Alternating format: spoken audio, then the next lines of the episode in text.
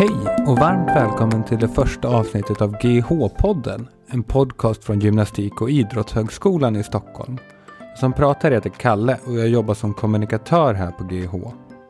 Tanken med den här podden är att vi, både jag och du som lyssnar, ska få lära oss massor av spännande saker om idrott, fysisk aktivitet och hälsa. Till vår hjälp har vi forskare och lärare från GH som alla är experter inom sina olika områden. Ibland kommer vi även att bjuda in olika gäster som får bidra med unika perspektiv och erfarenheter från ett liv i idrottens tjänst. I det här avsnittet kommer vi först att prata med Ulrika Traneus som är forskare och expert inom bland annat idrottsmedicin, idrottspsykologi och tillämpad idrottspsykologi. Ulrika disputerade 2014 med en avhandling som hade fokus på att förebygga skador hos innebandyspelare på elitnivå. Hennes forskning handlar om idrottsskador i ett psykologiskt perspektiv, vilket bland annat innebär att de kartlägger psykologiska faktorer som kan leda till skador. Det här är ett helt nytt område för min del, så det ska bli väldigt intressant att få prata med Ulrika. Senare har vi förmånen att få lyssna på när Ulrika intervjuar Anders Hedberg, som för de hockeyintresserade knappast behöver någon närmare presentation. Anders, som pluggade på GH under 70-talet, var bland de första hockeyspelarna från Europa att verkligen göra skillnad borta i Nordamerika och 11 säsonger i NHL och VHA talar sitt tydliga språk.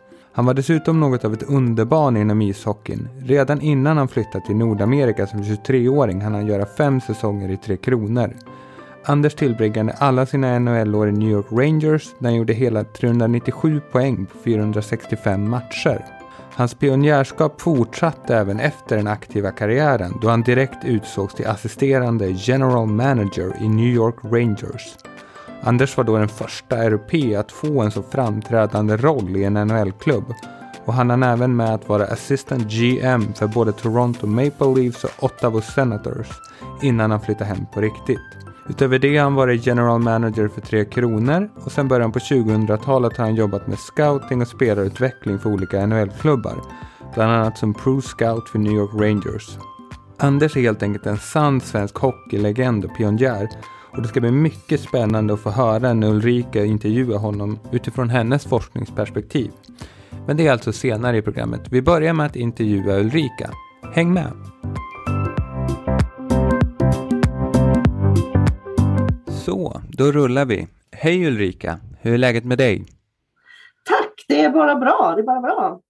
Vad härligt att höra, vad härligt att höra. Vad kul det är att äntligen vara igång med GH-podden här.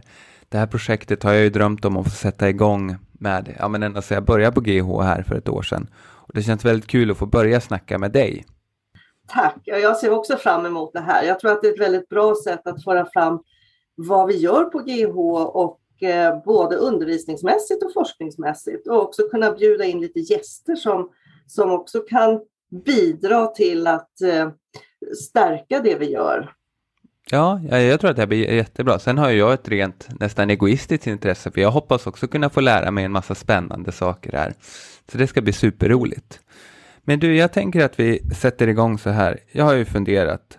Alltså som mer eller mindre glad amatöridrottare har jag alltid tänkt på skador som någonting som kommer sig av själva idrottsutövandet. Alltså att skadan uppstår för att man trampar snett, för att man får en tackling, man kanske gör ett för kraftigt ryck eller något sånt där. Men din forskning visar att psykologiska faktorer som stress kan leda till fler skador. Hur kommer det sig egentligen? Jo, om du funderar på varför du åker på en tackling så hårt ibland eller snubblar eller gör misstag så är det ju inte att stress har andra skador eller orsakar andra skador utan det är att du är så kanske upptagen av både det du har runt omkring dig på jobbet eller laguttagning eller något som gör att du blir lite blockerad. Och blir du lite blockerad i huvudet på grund av stress så fattar du sämre beslut på planen eller var, var du nu utövar din idrott och det är då du kan springa ihop med någon, inte få det här vida seendet utan du får lite mer tunnelseende. Då ser du inte att det kommer en, en motspelare eller en medspelare för nära och ni, ni kör ihop. Så det behöver inte vara en tackling, det kan vara krockar och annat. Alltså man, man gör sämre beslut helt enkelt. Det, och det kan orsaka då de här skadorna som att man ramlar, snubblar, springer ihop. Så man kan alltså säga att det är stressen som så att säga, den ökar sannolikheten att jag försätter mig i en situation där jag kan mm. bli skadad. Precis, precis. Mm. Ah, ja, det är ett nytt sätt. För liksom, jag har ju spelat fotboll och innebandy på ja, division 5 gärdsgårdsserier som man kallar det eh, i olika lag och man har liksom aldrig pratat om stress som någonting dels alltså som man kan arbeta preventivt med för att minska skaderisken. Men din forskning visar ju att man genom olika förebyggande program faktiskt kan motverka vissa typer av skador. Hur fungerar det i praktiken? Jo, när jag gjorde både för länge sedan en, en C-uppsats med hockeyspelare och sen min, min avhandling med, med innebandyspelare så fick de lära sig i princip stresshantering. Eh, för det finns en, en, en studie, eller en artikel rättare sagt, som är byggd på tidigare studier där man tagit fram att viss personlighet ökar, eller viss personlighet, tidigare stress eh, och tidigare skador och hur man kan hantera det här ökar eller påverkar hur man kan hantera stressnivån. Och om man då kan lära sig hantera sin stressnivå så minskar man också risken för skador. Och eh, det har ju också med prestation att göra, för har du många tankar på något annat än det du ska göra på planen eh, så blir det ju en del missar och felpass och sådana saker också.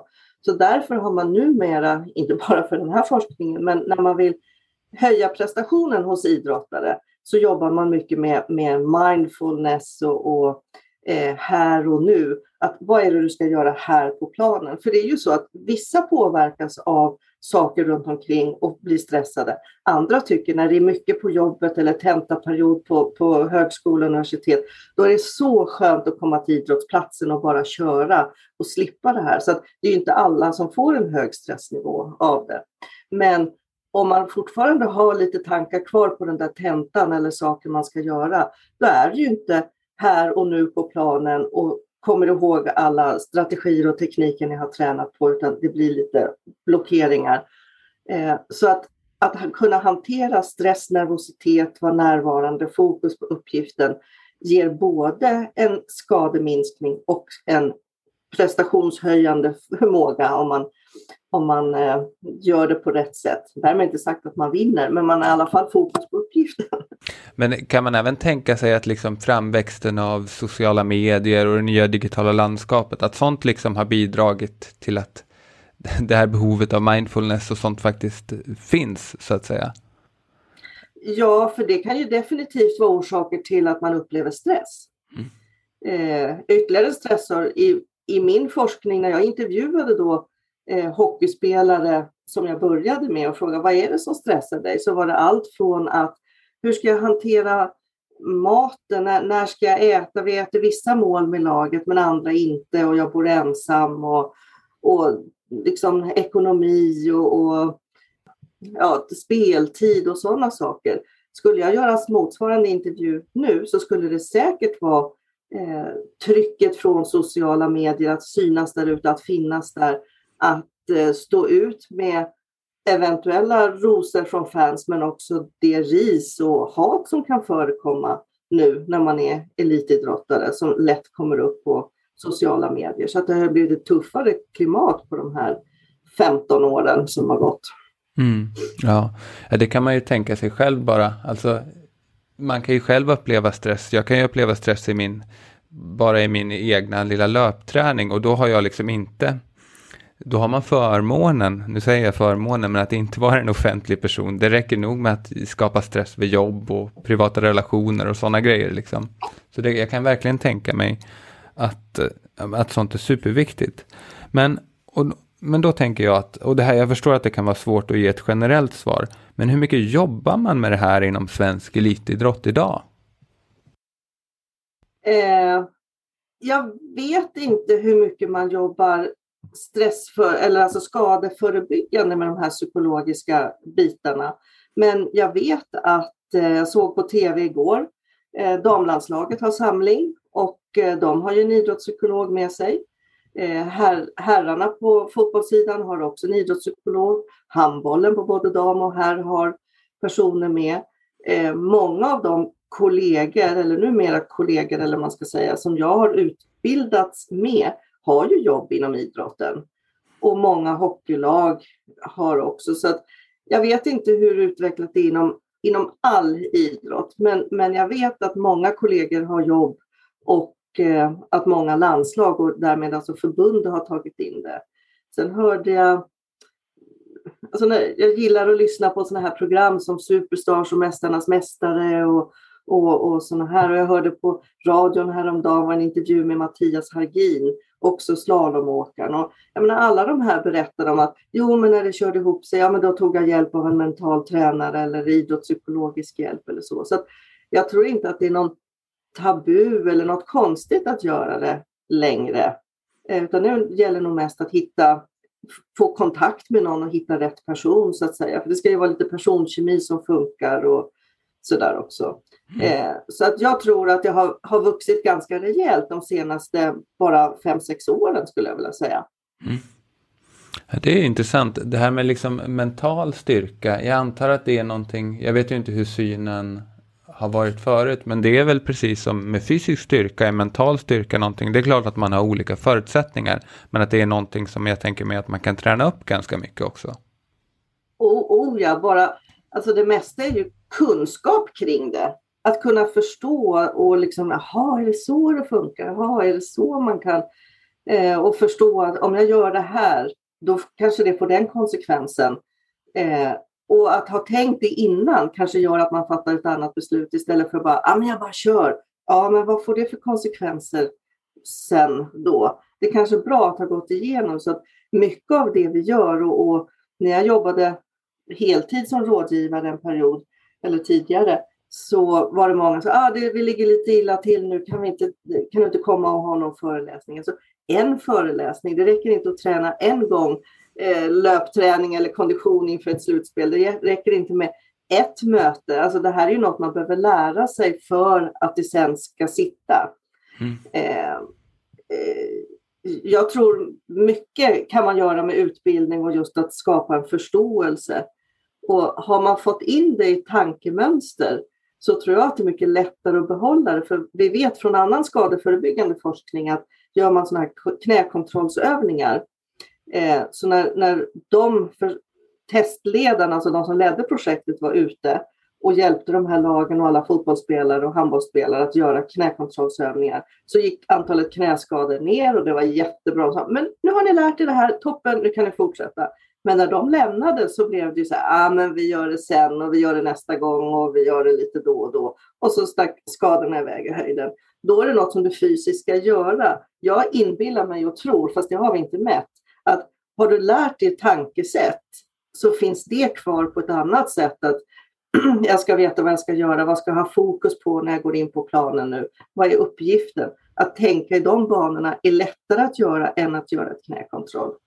Sen Sen tror jag att vi ska göra med den här forskningen likadant som man börjar göra med den fysiska skadepreventiva forskningen. Att man pratar inte om att nu ska vi göra knäkontrollsövningar för att förebygga skador. För där är 17-åringar så lever de i en tro att de kommer aldrig bli skadade i alla fall. Utan det är en del av uppvärmningen. Och jag skulle vilja se det här eftersom det är så många av de sakerna, stresshantering och så, som går hand i hand med prestationshöjande eh, förmågor så skulle jag bara vilja liksom förmedla att det här är en utbildning. Vill du satsa på idrott, vill du bli en duktig idrottare, så lika väl som att du tänker på din kost och din sömn och hur du tränar, så ska du lära dig vissa saker, hur du, eh, hur, hur du sätter mål, hur du fokuserar, hur du hanterar din nervositet och stress. Att det liksom ingår i paketet av att vara en idrottare eller satsa på en idrott eller vara en duktig motionär också så, så ingår det i paketet. För hittills har jag aldrig sett någon idrottare som inte har ett huvud. Nej. och då är det ganska konstigt att man, att man väljer bort den här mentala delen, säger till en del som för att det är frivilligt att vara med eller så. Nej, men det, det kan vara konstigt och det, nej, men det är frivilligt. Alltså det finns väl aldrig någon idrottare som har ställts inför det är frivilligt att ha en konditionsträning eller det är frivilligt att göra de här övningarna. Det är klart att det är frivilligt för man kan sluta med sin idrott, men att det här skulle vara liksom något konstigt att lära sig saker som man har glädje av i alla avseenden i livet. Jag menar att, att lära sig de här sakerna gör ju också att du kan hantera din stress kanske in i en tentaperiod på skolan eller när det är mycket på jobbet och, och så. så att, eh, och det, pratar vi, det, det kallas för att öka sina copingstrategier, alltså kunna hantera stress och motgångar. Och att ha bra copingstrategier är ju aldrig fel i något sammanhang. Nej. Det hade jag nog behövt lite grann inför den här första intervjun som jag var lite nervös för. Det har ju släppt nu, men lite copingstrategier mm. hade varit någonting. Men du, mm. under de liksom år mm. som du har forskat på det här, har du sett någon liksom förändring i attityd eller i tillämpning på ett eller annat sätt? Har det hänt någonting liksom sen du disputerade, var det 2013 eller 2014? 14 var det. Eh, inte så mycket inom, inom mitt område rent att man har kommit fram till nya saker. Det är några från den modellen jag pratade om som kom redan 88 och som sen modifierades lite 98 så har det kommit några fler modeller. Eh, eh, som, som, där man har in andra saker och vad är det som gör eh, att personen förblir oskadad? Är det bara att man inte upplever stress eller vad är det? Så att, jo, men li, lite mer har kommit. Men det är inte så många fler som forskar kring det. Och, men jag skulle nog säga att generellt, i och med att det är så många fler idrottspsykologiskt utbildade som är med inom idrotten och arbetar, så kommer ju alla de här delarna med på ett annat sätt. Och tittar man i de böcker, förra året så kom det ut, eller senaste tiden så kom det ut tre böcker inom idrottspsykologi med internationellt fokus. Och det är klart att en del av dem handlar om, eller två, tre av, nej, de, de tre böckerna handlar om idrottsskadans psykologi mm. eh, med olika kapitel och indelningar. För det handlar ju både om före att förebygga, men också hur ska vi stötta de idrottare som är skadade? För vi vet ju att alla kommer inte tillbaka, så vad behöver en idrottare under perioden han eller hon är skadad? Och också, är en knäskada, då vet vi ganska bra hur vi ska mäta om man är lika stark på höger och vänster ben, framsida, baksida, lår och så. Ja, men nu är du stark nog, nu kan du gå tillbaka. Men hur kan vi utvärdera om de är mentalt redo? För hur många är riktigt ärliga när man säger att så här, nu kan du gå tillbaka, för det vill du väl? Jaha, säger alla. Det är få som säger nej, det törs jag inte. Men om man då med papper och penna gör, får fylla i en enkät eller prata med någon som, som jag som inte är beslutsfattande i situationen. Så, men jag vet inte om det här knät kommer hålla och om jag verkligen kan lita på det när jag ska sparka eller hoppa eller så. Ja, men då kan vi jobba kring det. Så att i, intresset har ökat och eh, eh jag tror också att det är inte bara böcker som skrivs utan det kommer också idrotten till del. Även om vi kunde göra mycket, mycket mer. Men istället för att vara ute och, och jobba med individer eller lag så ser jag som att jag kan förmedla det här till våra studenter på GH som, ska, som går på tränarutbildning och att de kan sprida det vidare.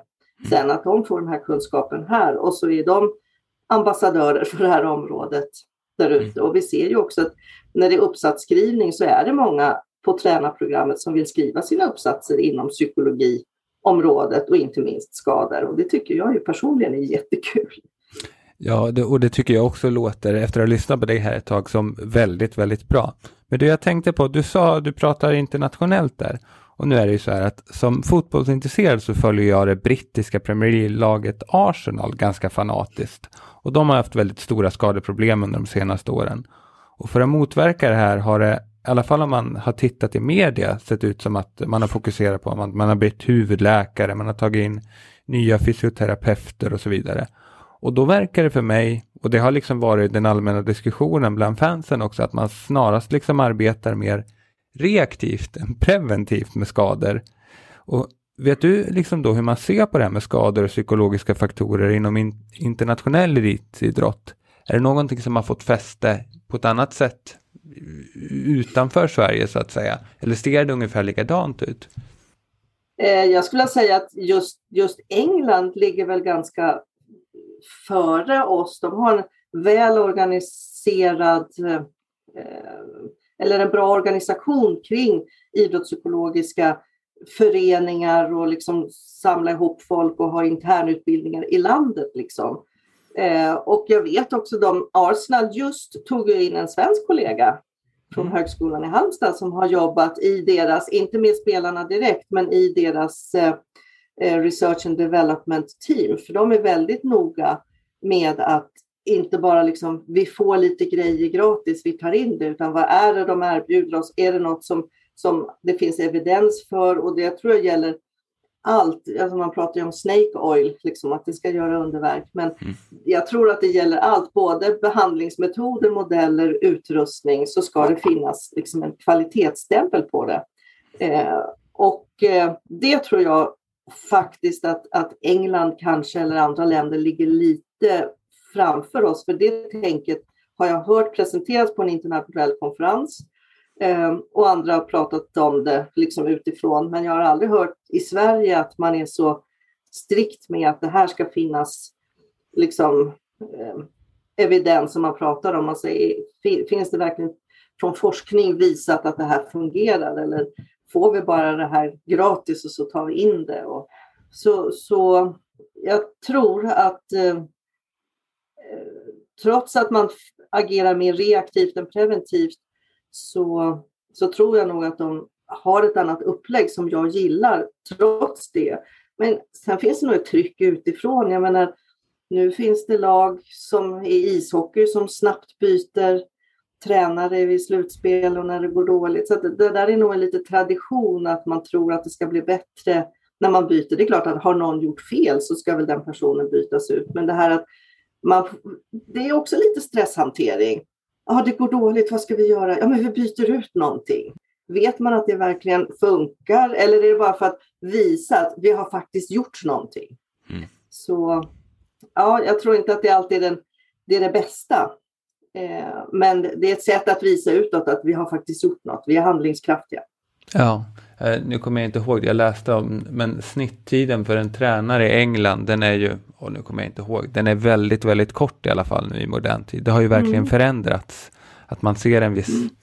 man tycker sig se en viss kortsiktighet liksom. Och då vet inte jag, för i vissa lag i Sverige så är det ju så att när tränaren går så går medicinska teamet också, eller staben runt om, i alla fall på landslagsnivå.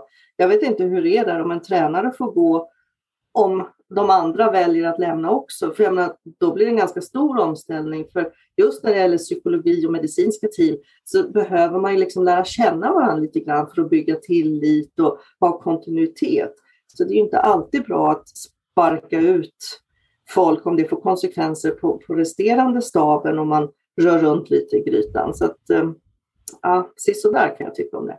Mm, ja, men det håller jag med dig. Det håller jag med dig. Men du, i artikeln Ge mindre stress, färre skador från Svensk idrottsforskning så konstaterar du att skador kostar pengar. Både för föreningar, utövare och samhället i stort. Hur mycket pengar kostar egentligen skador oss?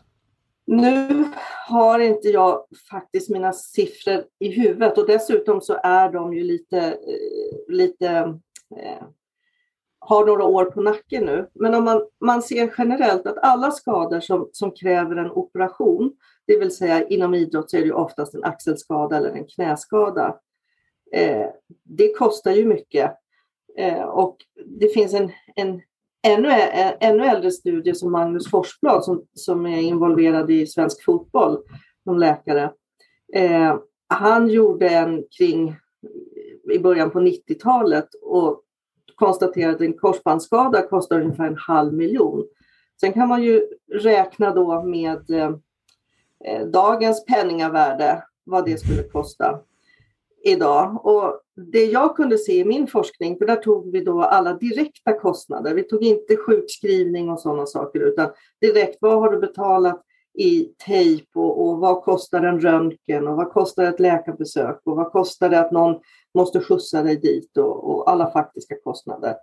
Och där såg vi att de överbelastningsskadorna, förutom då de akuta skadorna, alltså traumatiska skador, du ramlar och slår sönder en axel eller ett knä, de kostar mycket. Men annars så var det överbelastningsskadorna som var de dyra.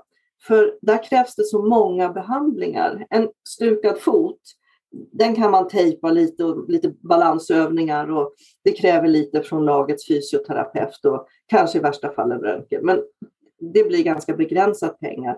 Men en, en ljumske som krånglar eller en axel som krånglar utan någon identifierad orsak, du har inte ramlat, utan du, du har bara ont. Den kanske också måste röntgas och undersökas, magnetkamera, flera läkarbesök och sen en hel rad av eh, fysioterapibesök eller alltså behandlingar som då kostar för varje sån här behandling. Det är ju, för, för spelaren så är det ju kanske gratis om man har någon i laget. Mm. Eh, men man ska ju ändå räkna på vad ett sådant besök kostar och går det då till en landstingsfinansierad eller regionfinansierad eh, vårdinstans så kostar ju det också även om du snabbt kommer upp på högkostnadskortet. Men det finns ju en faktisk kostnad för samhället och just överbelastningsskador då drar iväg väldigt mycket. Så mitt, mitt fokus numera, eller jag, jag vill förebygga alla typer av skador, men framförallt så vet vi ganska lite om överbelastningsskador. Mm. Eh, vad som orsakar dem. Vi vet att too much too soon är en sån här grej man säger att ja, men jobbar alltså, börjar du springa på våren nu för mycket och för intensivt, ja, men då kommer du få ont lite här och var. Så ta det långt och långsamt och så. Och det går ju över. Men, men eh, var, varför gör man det om man vet att det kan bli en skada? Varför, varför kör man ett sånt här vårrus varje år och får sina krämpor? Varför lär man sig inte och, och begränsar sin fart och hastighet och kör ett lite bättre upplägg? Så där finns det mycket att göra som vi försöker eh, hitta eh, möjliga vägar för att förebygga. Och då gäller det att hitta sådana saker som går att vad vi kallar modifiera. För att är det, är det någons personlighet att man, man har ett risktagande beteende ja, det kan vi ju inte ändra på. Folk måste ju få ha sina personligheter som de är. Det är ju charm, charmen med det hela.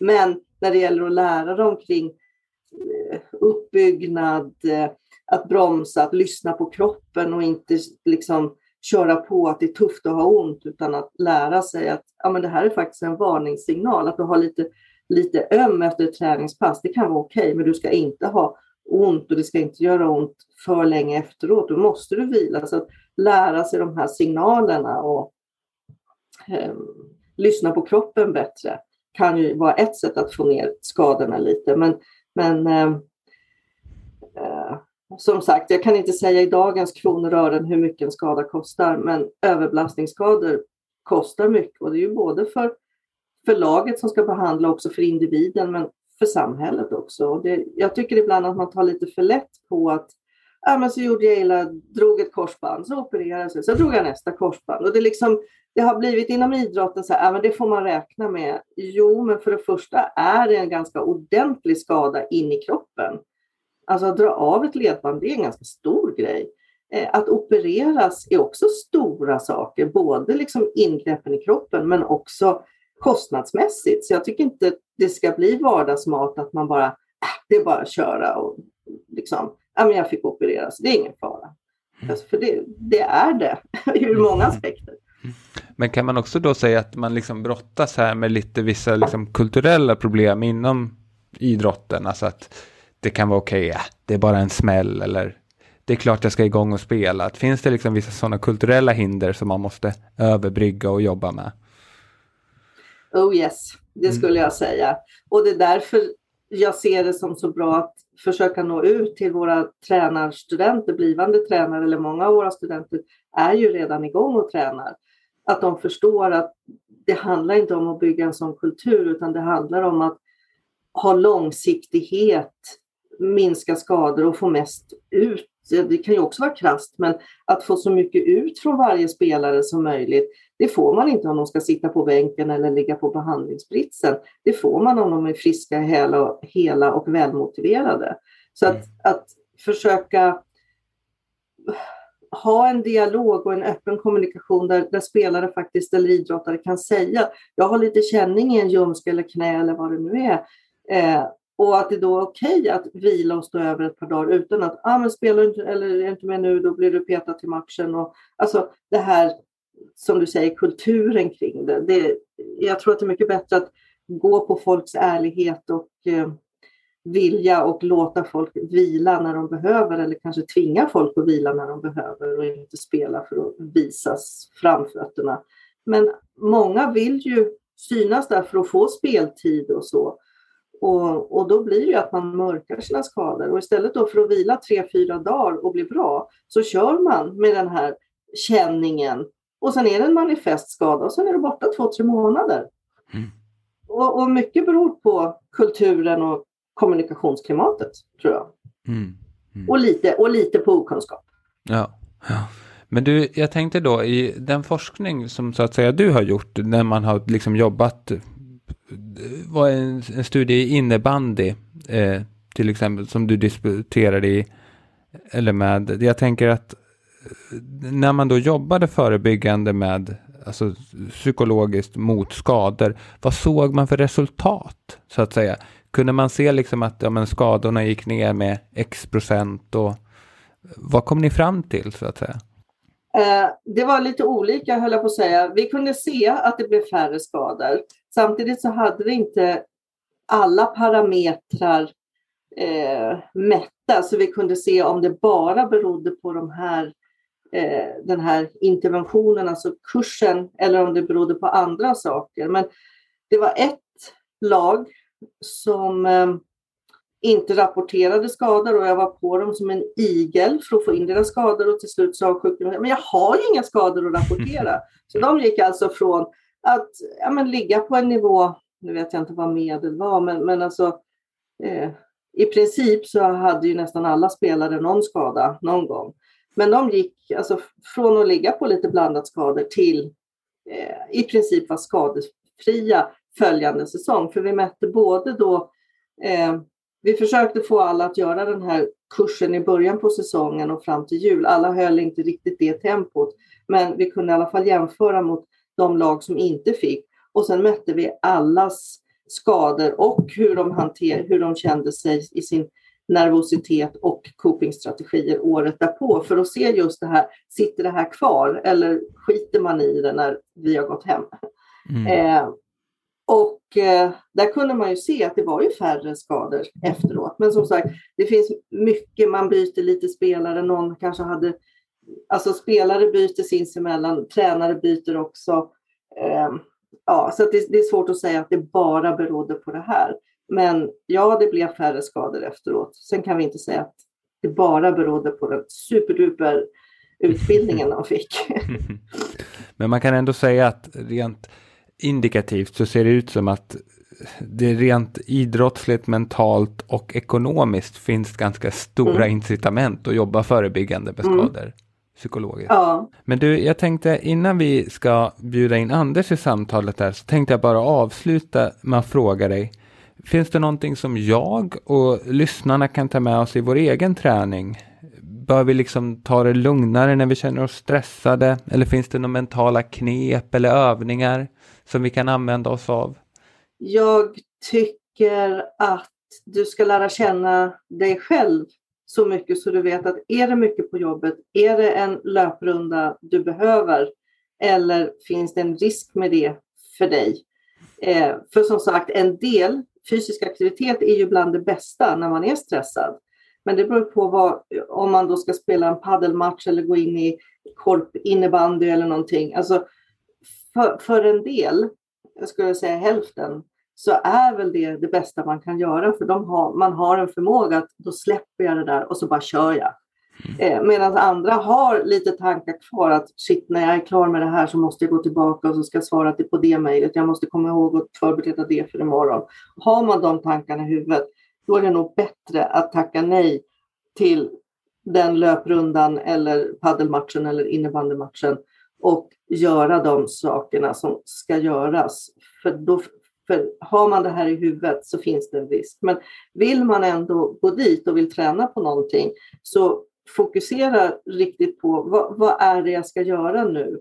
Eh, jag ska springa och om du ska ut och springa, ja, men lägg märke till fågelkvitter, dofter. Alltså var med, tänk, liksom räkna dina steg, var verkligen där och då. Så när man kommit in i det här, och, och, då kanske man kan släppa det och så kan man, för, för det är ju också mycket problemlösning när man springer eller går i naturen, att saker faller på plats. Så man ska inte förringa, men man ska inte ha den här stressen och spändheten så att man inte, inte eh, liksom är medveten om vad man gör. Och det är samma om man ska spela innebandy.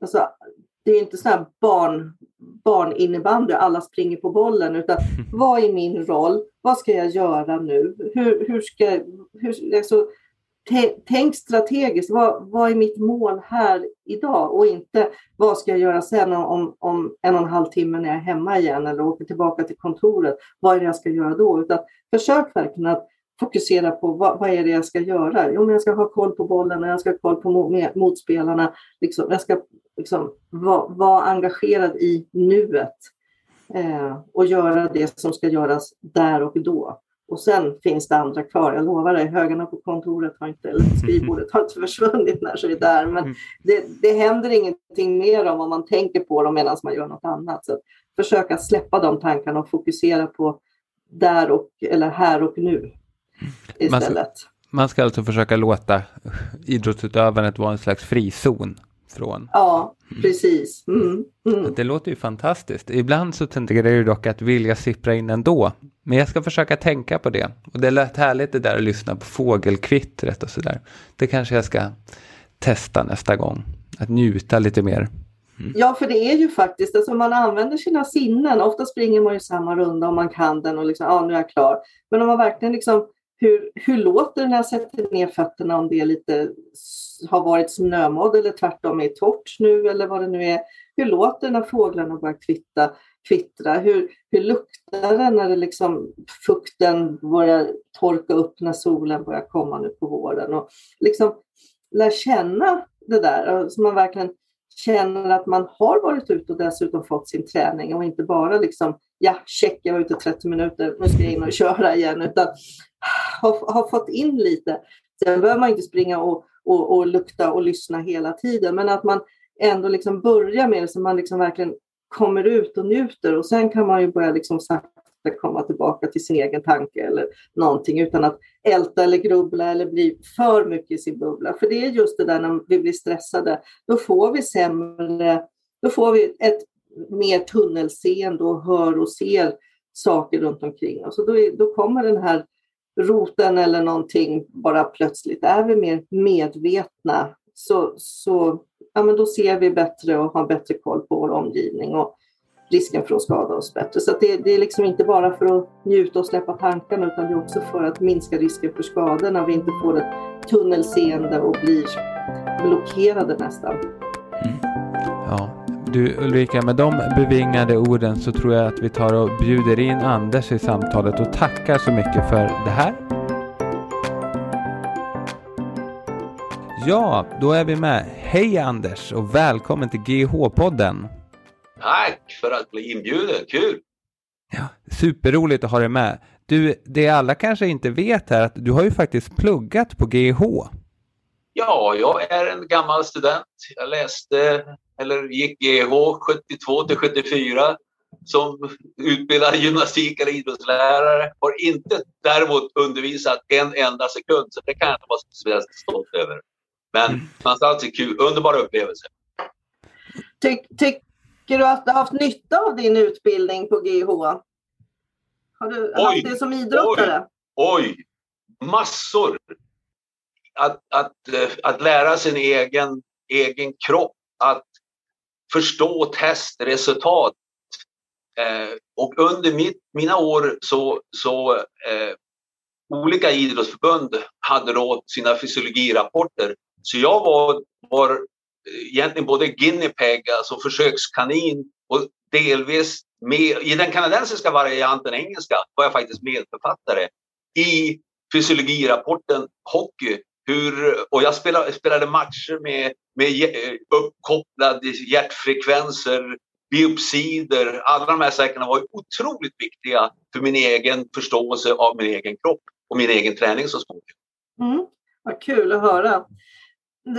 vi gör ett litet hopp här, men, men du spelade ju länge i Sverige och sen så flyttade du över till, till Kanada och USA. Var det någonting som de använde där som du tog med dig, som, som du saknade från, från Sverige? Alltså fick du lära dig ytterligare saker där? Ja, den specifika hockeystyrketräningen, den lärde jag mig i Nordamerika. Den var inte speciellt utvecklad i, i Sverige. Alltså specifik styrketräning. Man, eh, nu gick jag i en, en han, han låg i framkant av svensk försäsongsträning kan vi kalla det, sommarträning. Han heter Cabben Berglund som var i Modo.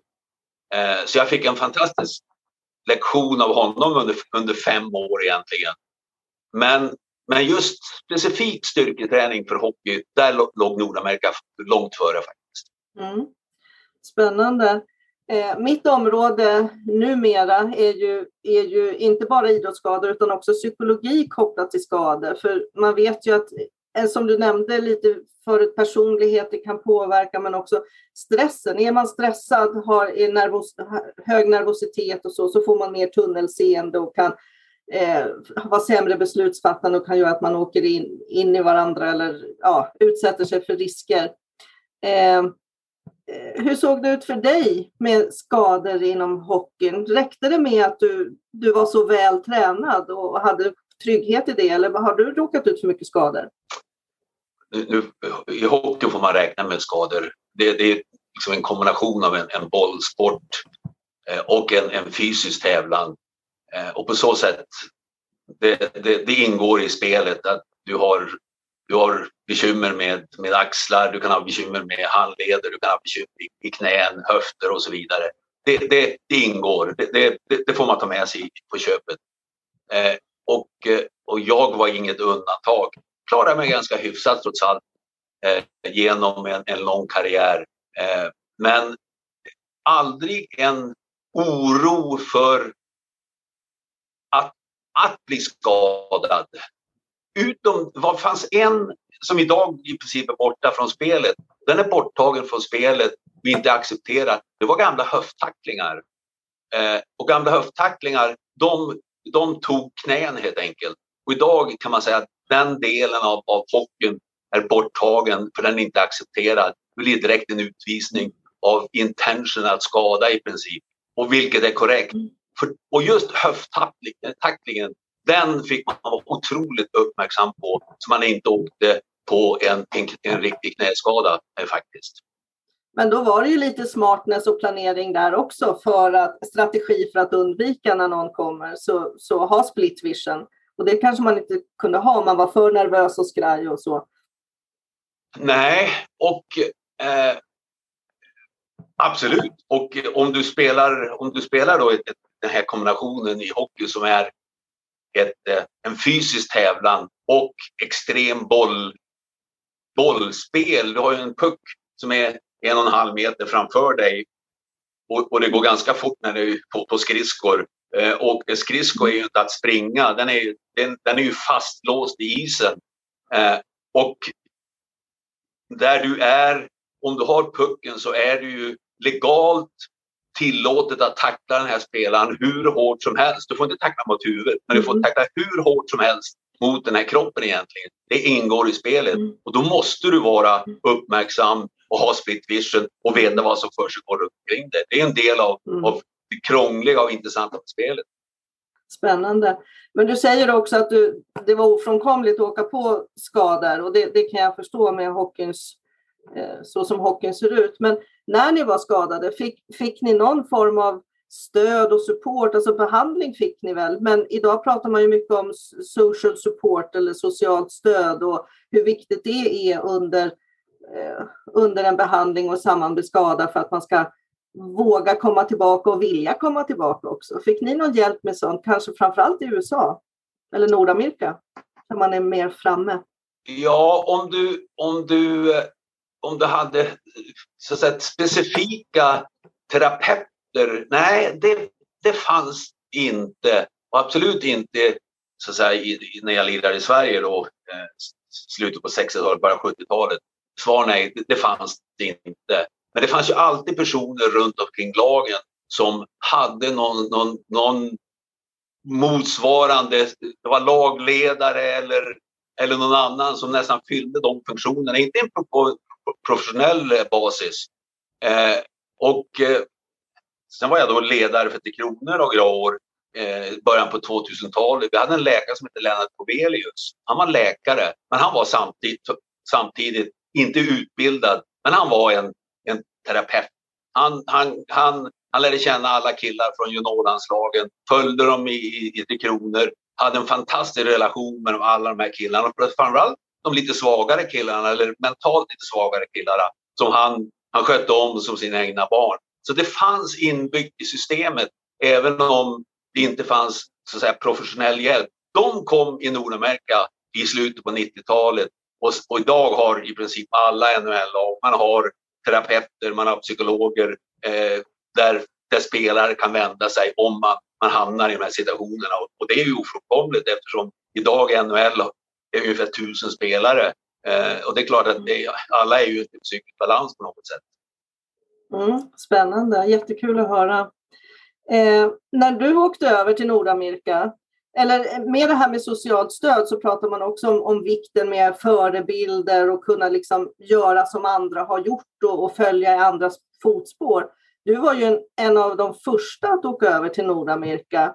Eh, hur var det? Alltså, kunde du hitta någon förebild där att följa eller fick ni uppfinna hjulet eh, på egen hand? Ja, ni...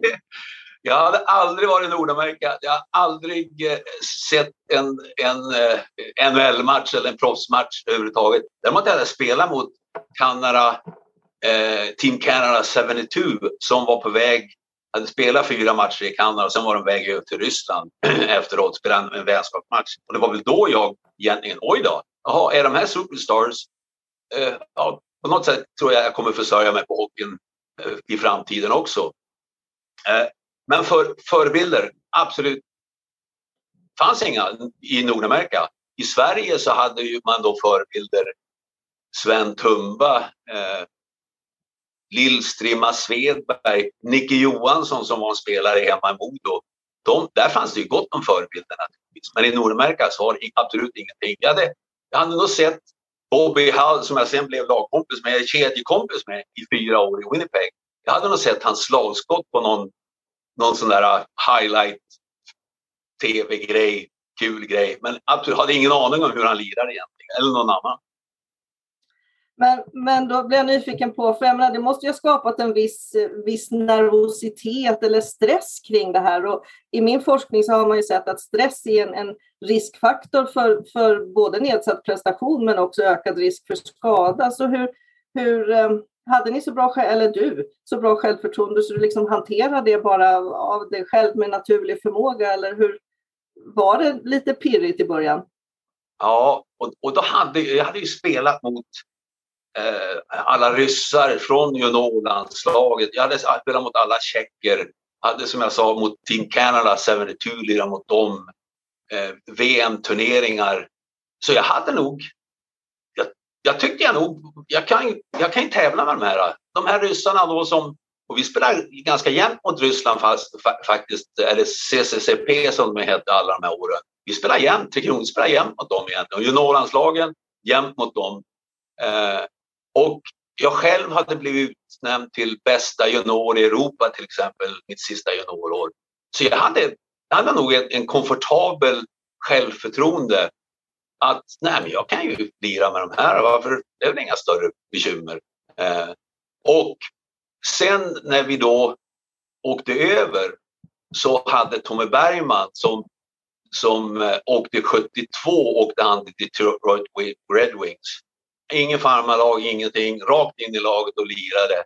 Och sen året efter kom Börje Salming och Inga Hammarström till Toronto, samma där, rakt in i laget. Och jag själv upplevde, jag menar, jag kan ju lira med dem, inte ännu sämre än dem. Så varför ska jag inte göra det? här fixar jag ganska väl. Eh, och sen blev det Winnipeg. Också en komfortkänsla. Jag kunde ha åkt Toronto faktiskt och lirat. Jag hade till och med ett bättre, lite bättre kontrakt. Men valde att åka med Lars-Erik Sjöberg som var vår kapten i Tre Kronor. Eh, också, han var också en före detta GH-are faktiskt. Han var väl en, mm. en, en sex, sju år äldre än mig. Och Lill-Pröjsarn Nilsson Eh, så vi bestämde att vi åkte till Winnipeg eh, tillsammans. Det här ska nog gå alldeles utmärkt. Tänkte Ja, men då hade, du, hade ni no, några att prata svenska med och så. Men eh, självförtroende på isen.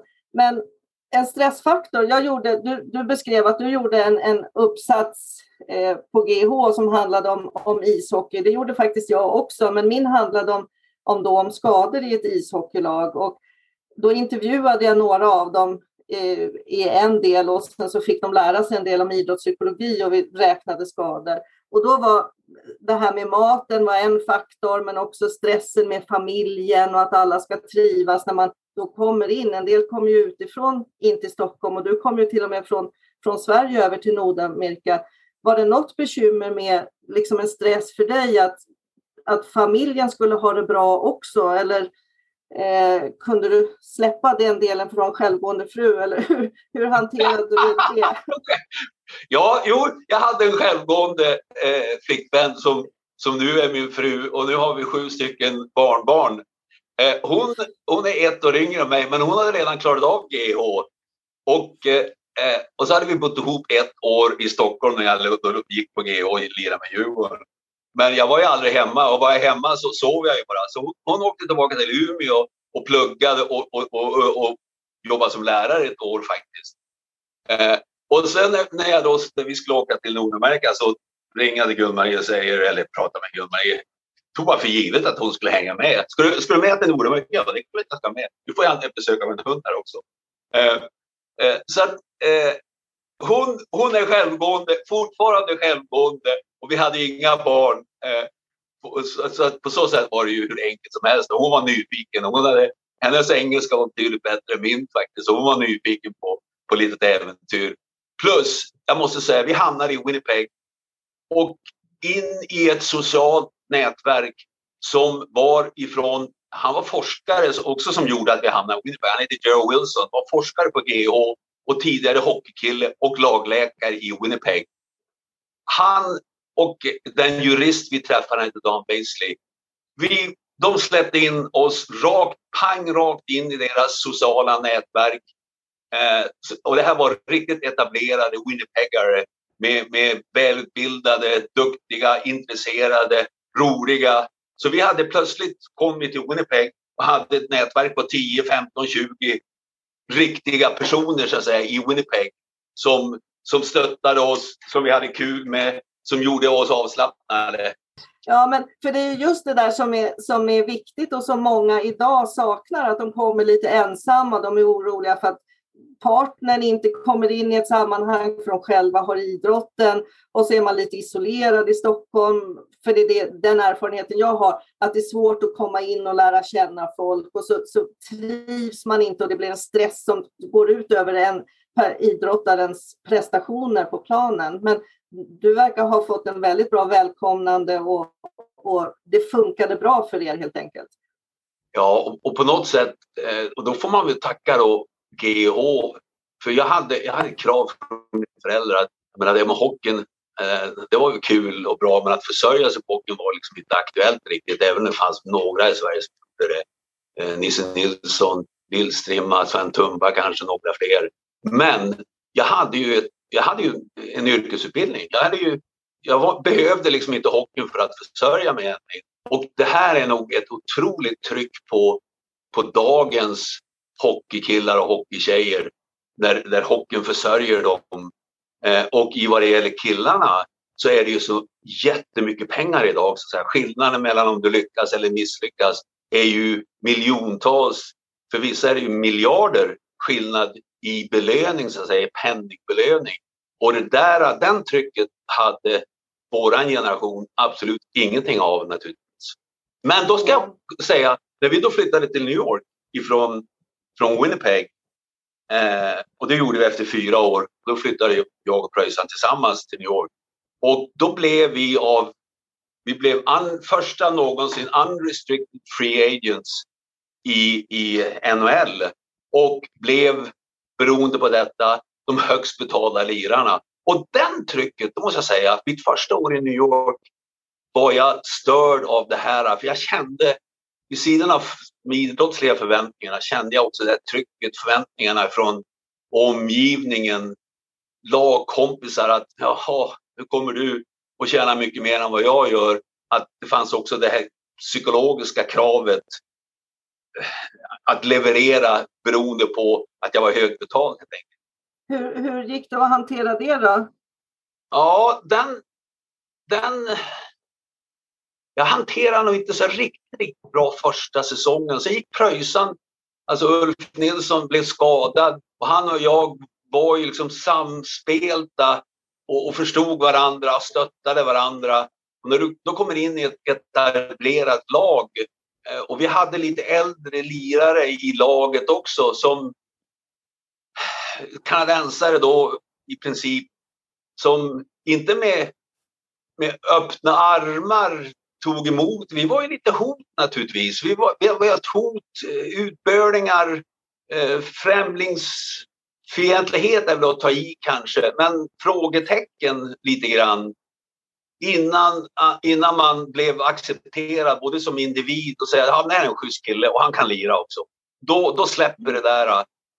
Men just det här kravet på att vi var, vi var mer betald än någon annan i laget och kommer utifrån, är då europeer. Och det var första européerna i New York Rangers. som hade inte haft några europeer tidigare. Där, där hade jag bekymmer faktiskt, måste jag erkänna. Och sen hade vi en tränare, bra, han var jätteduktig, men äldre generationen, äldre, konservativ, försökte öppna upp sig hur att spelet kunde man kunde bygga spelet på lite annorlunda sätt som, som jag och Uffe då hade haft tillåtelse att göra i Winnipeg och, och det var därför vi, skulle komma till New York också. Men stämde inte riktigt så att säga med, med tränare. Han förstod inte riktigt och kedjekompisen förstod nog inte riktigt heller egentligen. Så där, där hade vi en, en viss hinder och problematik hur vi skulle hantera den frågan. faktiskt. Ja, och där, där, där måste jag erkänna, och, och nu börjar jag också få familj. Så att jag bodde, vi bodde, hälften av lag bodde i en förort norr om, om stan och hälften av lag bodde inne på Manhattan. Så det blev en, det blev ingen riktigt, riktigt bra och man kunde liksom inte lära känna varje individ i laget som, som, eh, som jag hade gjort tidigare. Man var sing eller Inga barn kunde tillbringa hur mycket tid, stanna kvar i träningsanläggningen. Det, det skapar en viss problematik så att säga. Eh, hur hantera trycket inifrån laget mer än ifrån, från utifrån media, eh, publik och sånt där. Det, det hanterar vi väl, den, den kändes okej. Okay. Men just inifrån laget eh, upplevde jag ibland en parti. Och hade, vi hade absolut ingen assistans eller hjälp. Eller det fanns inga här, psykologer eller samtalsterapeuter vi kunde vända oss till som, som laget hade anställt eller hade kopplat till. Och vi själva var nog inte komfortabla att göra det heller på individuell basis. Men var det här en sporre till att verkligen prestera bättre på isen då eller hämmade det för att det blev sånt, sån nervositet och tryck liksom så att det hämmade prestationen, eller hur? Ja, den hämmade nog mer. Alltså det här med, med att försöka prestera, det, det var aldrig något bekymmer. De, jag litade på mig själv och omgivningen, tränare, alla runt omkring, media, trä, medspelare. De visste att Anders förberedde sig okej. Okay. Han tränade okej. Okay. Eh, han skötte sig okej. Okay. Han, vill han vill verkligen vinna varje match. Jag hade aldrig några bekymmer med de grejerna överhuvudtaget. Men, men, men just eh, min prestation på så sätt gick ner ett snäpp tycker jag. Sen tog jag upp det där, fixade ordningen sig så småningom. Men första, första eh, månaderna i New York hade jag faktiskt, jag spelade inte speciellt bra och, och jag härleder till, till att jag kände det trycket utifrån faktiskt. Jag menar, som, som hockeyspelare, som du beskrev förut, att alltså det är tacklingar och har man puck, är man puckförare så, så är man fri att tackla. Men då var det nästan så där så att det fanns ett hot internt också. Var du orolig för att bli skadad? Att liksom folk var ute efter dig på isen och att dina lagkompisar inte skyddade dig och täckte upp för dig på ett bra sätt och det fanns en ökad skaderisk där? Alltså, miljön var ju helt annorlunda, det går inte att jämföra. Eh, det var, det var, det var, det var mycket, mycket fulare. Det, var, det, det går inte att jämföra. Jag menar, I princip kan man säga att, att placera det som idag är det ju mycket styrningar. Du står och styr framför målet, du kan stå framför målet eh, och du har tillåtelse att stå där och du kan få lyfta på klubben. Då var det, det var, man kan säga att domarna tillät precis alla medel för försvararna att få bort den här spelaren som stod framför målet helt enkelt. Crosscheckingar, spearingar, allting var tillåtet. Och att, så att den risken går ju inte att jämföra. Plus, du hade ett slagsmål i Nordamerika. Eh, och jag var då, vägde 84 kilo, 1,80, hade aldrig slagits hela mitt liv, kunde ju inte det. Jag kunde ju liksom inte bli slagskämpe. Men du fick absolut inte visa en fysisk rädsla att gå in i en närkamp. För det, det kallades intimidation. Och den var mycket, mycket stor och en viktig ingrediens. Och om du på något sätt visade en rädsla att ge dig in i en närkamp och, och du visste att nu åker jag på en smäll. Den här är inget roligt, men jag måste in i den här närkampen. Om du tvekade där vid något tillfälle, då hade de dig. Inte bara den här spelaren som du då tävlar mot, hela laget. Då var det, för, du kunde, det var omöjligt att lira. Då blev du utslagen. Och en kanadensisk kille, han hade redan klarat av det här äh, långt tidigare i juniorålder, det här med intimidation. Så den, i den varianten fick man verkligen lära sig. Det hade vi lärt oss redan i Winnipeg. Så det var inga problem. Men du fick absolut inte vara skraj att ge dig in i närkamp. Det var omöjligt. Då var det slut som lirare. Men alltså du, du nämner Börje och Börje Salming är ju känd för alla sina stygn i ansiktet och allt vad, vad han har gjort. Du måste ändå trots allt ha klarat dig ganska bra för, för, från skador och påhopp och stått upp som en tuff viking så att du inte har fått så mycket, mycket stryk ändå. Eller hur? Ja, nu, nu syns de väl inte. jag har väl ungefär 200 stygn i ansiktet ungefär. Eh, har du? Jaha. Eh, och den, det här, Tommy Bergman som jag sa tidigare kom till Detroit, första europé, första svensk, två år innan oss. Och jag hade ju lirat med Tommy i Kronor. Jag känner ju honom väl. Eh, känner honom fortfarande. Han är en av mina bästa kompisar. Eh, och så värvade vi honom. Det var vi som rekryterade, värvade, rekryterade honom över till Winnipeg faktiskt. Eh, vårat första säsong. Och hans första match när han kom då och Tommy av någon anledning, han var ju också, han var 1,90, vägde väl 95 kilo, kom från Värmland och hade det inom sig, det här med slagsmålet. Ja, han fixade det helt enkelt. Så hans första match i Winnipeg eh, som spelades i Kalifornien faktiskt, så fick han efter halva matchen så fick han inte vara med längre. Och det hade beroende på att han hade haft tre slagsmål för han tyckte att jag och Uffe hade blivit behandlade så fruktansvärt illa av motståndaren. Så det är konstigt att man fortfarande är en kompis med honom, höll jag på att säga. Så att han var det tufft. Om du har sett Börjes, eh, Börjes om du frågar Tommy så säger han att eh, han såg han spelade mot Börje och, och, och i, i, Toronto också och såg på TV. Eh, så han, han, hans bedömning är att jag och Uffe var utsatt för mycket fler överfall än vad Börje Salming var i Toronto faktiskt. Men rädd fick du inte vara och Börje var ju inte ett dugg rädd, absolut. Han var ju helt fearless så att säga, absolut inte rädd heller. Utan hanterade ju på sitt sätt, jag tänkte bara lira. Han slogs ju inte heller, men han lirade ju bara och då kunde du inte skrämma honom. Och det här skulle jag kunna prata hur länge som helst om, men vi går vidare lite i nutid. För efter din aktiva karriär så var det ju som du sa, du har både varit eh, scout och general manager och jobbat med svenska hockey för Hockeyförbundet som general manager för Tre Kronor och så. Vad, vad tar du med dig från dina egna erfarenheter i ditt eget ledarskap eh, när du tittar på hockeyspelare och, och, eller som general manager? Det är kanske olika, olika sätt, men kan du berätta lite om det? Ja, jag menar, i, i, i grund och botten så, så har du hela tiden en selektion så att säga. Om du jobbar då som tränare eller som i mitt fall management eh, så blir det en selektion av spelare, en del yngre, en del äldre. Och hur de agerar på isen och hur de agerar vid sidan av isen. Vad har de för självförtroende? Vad, vad har de för utstrålning? Om du går till riktigt unga spelare idag så, så är det ju det här med draften, alltså NHL-draften. Och där, alla lag kan ju inte, har inte tillåtelse att, att ge psykologiska tester utan det är då centralt, man kallar center scouting, som centralt genomför så att säga, psykologiska tester till alla de här spelarna som då delges till alla NHL-lag eh, att läsa. Eh, och vid sidan av det så har man intervjuer vid träfftillfället och de, som man är speciellt intresserad av att försöka göra en, man får, får intervjua dem kanske en, en 20 minuter, inte längre.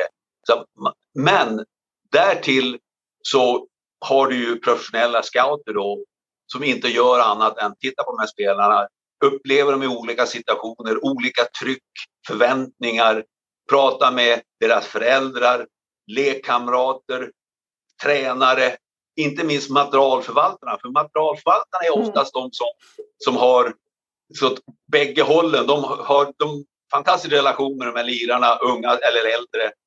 Och samtidigt har de så att säga, relation till tränarna och höra hur, hur tränare upplever de här spelarna.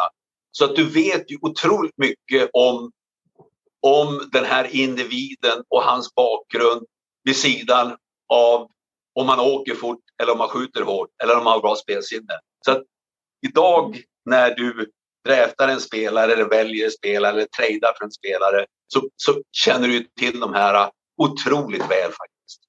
Och vid sidan av det idag alla, alla NHL-lag, jag vet inte om svenska lag har det, men alla NHL-lag har ju idag, om inte heltid så har man ju kopplade samtalsterapeuter eller psykologer som är kopplade till lagen. Alla har det. Och ser du en skillnad då att det inte är kopplat till alla lag i Sverige? Jag vet några som har det, men alla svenska lag har väl inte? Skulle du säga att det skulle behövas mer i Sverige också? Ja, det, det kommer. Jag menar, det är ingen tvekan mm. om det. det. Det, det är ofrånkomligt. Och en annan ingrediens som är, jag är förvånad att det inte har kommit än. Men det är jag helt övertygad också att det kommer. Och det är ju att det är en mer eh, feminin, nej, med tjejer, damer i, i lagledningarna, i, runt omkring laget, läkare, tränare. Alltså att du får en balans i de här killarna som idag är 20 år. De har ju vuxit upp i Sverige i ett ganska jämlikt samhälle. Och jag är övertygad om att det skulle liksom förändra miljön i ett lag om det också hade fler, ska vi kalla det morsor, som finns runt mm. omkring ett lag som skapar en annan mjukare miljö som också skulle vara bra för många killar helt enkelt. Och det kommer också, det är jag helt övertygad. Det har börjat lite grann i Kanada inte, inte utvecklat, men det finns lite tjejer som är skill coaches, eh, absolut kvinnliga läkare som finns runt omkring laget, eh, kvinnliga psykologer och så vidare. Och det här kommer bergsäkert också i ett mer jämlikt så att säga, samhälle även inom hockeyn och även inom Sverige. Mm. Ja, jätte, jättebra att lyfta det. Jag tänker många, av, inte alla, men vi har ju en del duktiga unga spelare som blir draftade tidigare. Skulle du säga att de naturligtvis har du hockeykompetens och allt det du beskrev av, av att man gör en ordentlig intervju och kartläggning av dem. Men skulle du säga att vår hockeykultur eller utbildningen de får från riksidrottsgymnasier och så med lite allmänt, att det är det som gör det eller är det att man kommer från ett speciellt lag där man är bra på att utveckla eller kan det, liksom, hur, hur får vi så bra spelare som vi har som går till NHL? Ja, för det första så, så eh, Sverige är ju ganska... Antalet hockeyspelare i Sverige är ju, är ju ganska stort i förhållande till så att säga, världen. Så, att, säg att det är ungefär 6-7 procent av NHL-spelarna kommer från Sverige. Och det är väl ungefär motsvarande vad det finns hockeyspelare runt om i världen. Så det är inte så att Sverige producerar mycket, många fler NHL-spelare än äh, övriga nationer, utan det är nog proportionerligt egentligen. Sen absolut att du har olika miljöer som, som har en förmåga, den skiftar ju, absolut skiftar. Där den här talangen har möjligheter att få växa och utvecklas. Och då ska man nog inte heller glömma bort att de riktigt bra spelarna blir egentligen inte bra spelare i olika hockeygymnasier. Det blir de långt tidigare. Att du har en, en, en lekyta, alltid en bollplan eller isbana eller en isplätt någonstans i närheten där du bor. Där du får en sån otroligt varm relation till den här hockeyn. Och du, du, du, egentligen det är där du tillbringar mesta tiden. Det är där du gillar mest vara. Det är där du har dina kompisar. Det är där du har din bror. Det är där du är och det är där du blir spelare.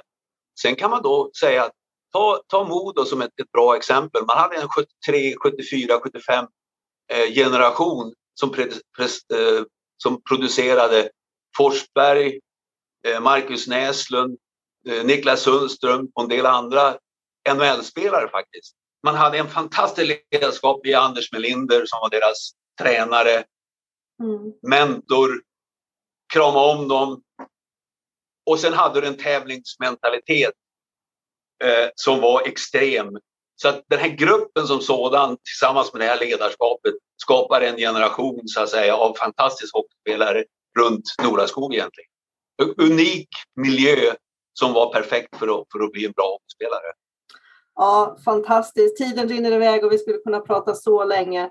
Har du något mer, Kalle, som du skulle vilja lägga in som av, avslutande avrundning, eller? Nej, men jag tänkte bara säga att kopplat till det här som ni pratade om, eh, just hur det ser ut med psykologi, hur man jobbar förebyggande med svenska inom svensk hockey att, och att det inte kanske är utbrett i liksom alla lag och så. Är det därför mitt kära Brynäs har det så kämpigt tror ni? Saknar de det? Du menar just idag? Just idag. Där kan man ju ha olika teorier. Jag pratade med Inge Hammarström häromdagen. Jag kunde inte undvika att ringa honom. Han är ju urbrynäsare. Och då hade jag läst en, en, en, att nu stänger man av, inga får åka på träningen, eh, media får inte komma dit. Så jag ringde Inge och ringde, hur, hur får du inte vara på träningen längre? Vad, vad, vad gör du åt det? Så, du, vad var det han sa? Eh, fiskar simmar alltid. Där står vi här på läktaren i, i Gavle, gamla Gavlerinken, pratar med materialförvaltaren. Eh, jag menar en, en snabb analys, eh, den är ju liksom verkligen amatörmässig. De har haft en otrolig omsättning av ledarskap, tränare, eh, ledarskap i styrelser, ledarskap i, på många olika säga, delar av deras verksamhet och en mycket stor omsättning av spelare.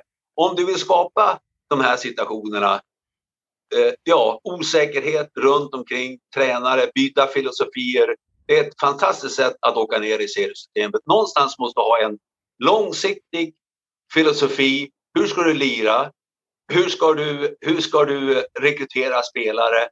Och en, en, en långvarig, så att säga, långvarig, långsiktig relation i, i ledarskapen och det är ju oftast tränarna helt enkelt och folk runt omkring laget. Det är den bästa modellen att få ett, ett lag att lyfta, att du har en kontinuitet så spelarna vet vad de kan förvänta sig och vice versa helt enkelt. Och det har Brynäs inte tillhandahållit på något sätt. Men då är det tillbaka lite till, jag följer Sportspegeln och, och tittar på mycket sport.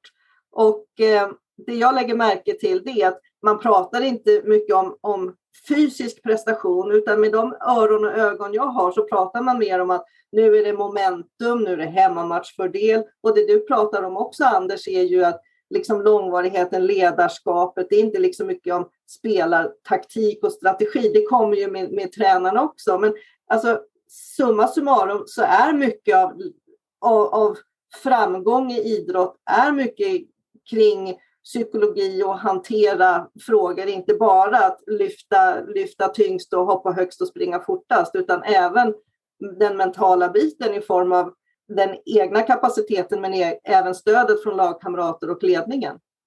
Eller vad säger du Anders? Ja, ja, du, har, du har två ingredienser. Den ena är ju en trygghet. Trygghet, du som individ. Jag är trygg med mig själv men jag är också trygg med omgivningen. Och då, då då, då pratar vi också om, om en laganda. Alltså, hockeyn är ju ett lagsport. Det, finns, det, spelar ingen roll om du har, sätter in Wayne Gretzky i, i, i i, i, i ett, ett, sämre lag. Han har i alla, alla fall aldrig vunnit någonting. Och Wayne Gretzky var bästa spelaren. Han har alla vunnit i alla fall. Du måste ha en, en kemi mellan, inte alla spelare, det kan finnas konflikter. Men i grund, och, grund i botten så måste du ha en stabilitet i ledarskapet och ett, ett lagkompisar som stöttar varandra och hjälper varandra och ger en eh, styrka i, i eh, styrka i att det finns en tolerans i det här laget. Du får göra ett misstag, det är helt okej. Okay. Ingen är perfekt, men vi gillar dig. Vi vill ha med dig. Vi vill ha oss tillsammans och vi ska nå ett gemensamt mål. Det är liksom grundpelaren. Och om du, om du byter de här riktningarna varje år eller varje månad, du har nya grejer, då skapar det bara liksom, allting skakar bara ett tag och det är omöjligt att få det helt enkelt eftersom det är så många individer inblandade. Med de kloka orden så tror jag att vi ska ta och runda av här. Stort tack Anders för att du har bidragit med din erfarenhet och din, dina perspektiv från ett liv i hockeyns tjänst. Det har varit jättekul att lyssna på dig. Jag hoppas att vi får kanske höra mer av dig i framtiden här. Tack för att jag fick vara med. Ulrika, alldeles, fortsätt med din forskning och eh, det är absolut jättespännande grejer. Och jag har genom åren hängt med. Jag har läst eh, amerikansk litteratur, svensk litteratur och i grund och botten älskar jag hockey och alla de här ingredienserna och individen. I slutändan är det ett lagspel, men det är ju 20 individer och många fler i ett lag som är alla olika och det är bara att tolerera och, och, och att det finns olika personligheter i ett lag. Det måste vara så helt enkelt. Och jättespännande. Tack snälla. Tack snälla Anders för att du tog dig tid. Det, kära lyssnare, var Ulrika Traneus och Anders Hedberg. Vilken ynnest att få höra två experter inom sina respektive områden prata med varandra. Om du vill läsa mer om Ulrika och hennes forskning så går du bara in på gh.se. Anders, han har medverkat i flertalet poddar och intervjuer. Gå bara in och sök i din webbläsare så hittar du massvis av intressant läsning och lyssning. Jag vill även rikta ett stort tack till dig som lyssnat på det första avsnittet av GH-podden. Om du vill höra mer av oss framöver får du gärna prenumerera på podden i din podcastspelare. Kom även ihåg att ge oss ett betyg då det hjälper verkligen till att få spridning på podden.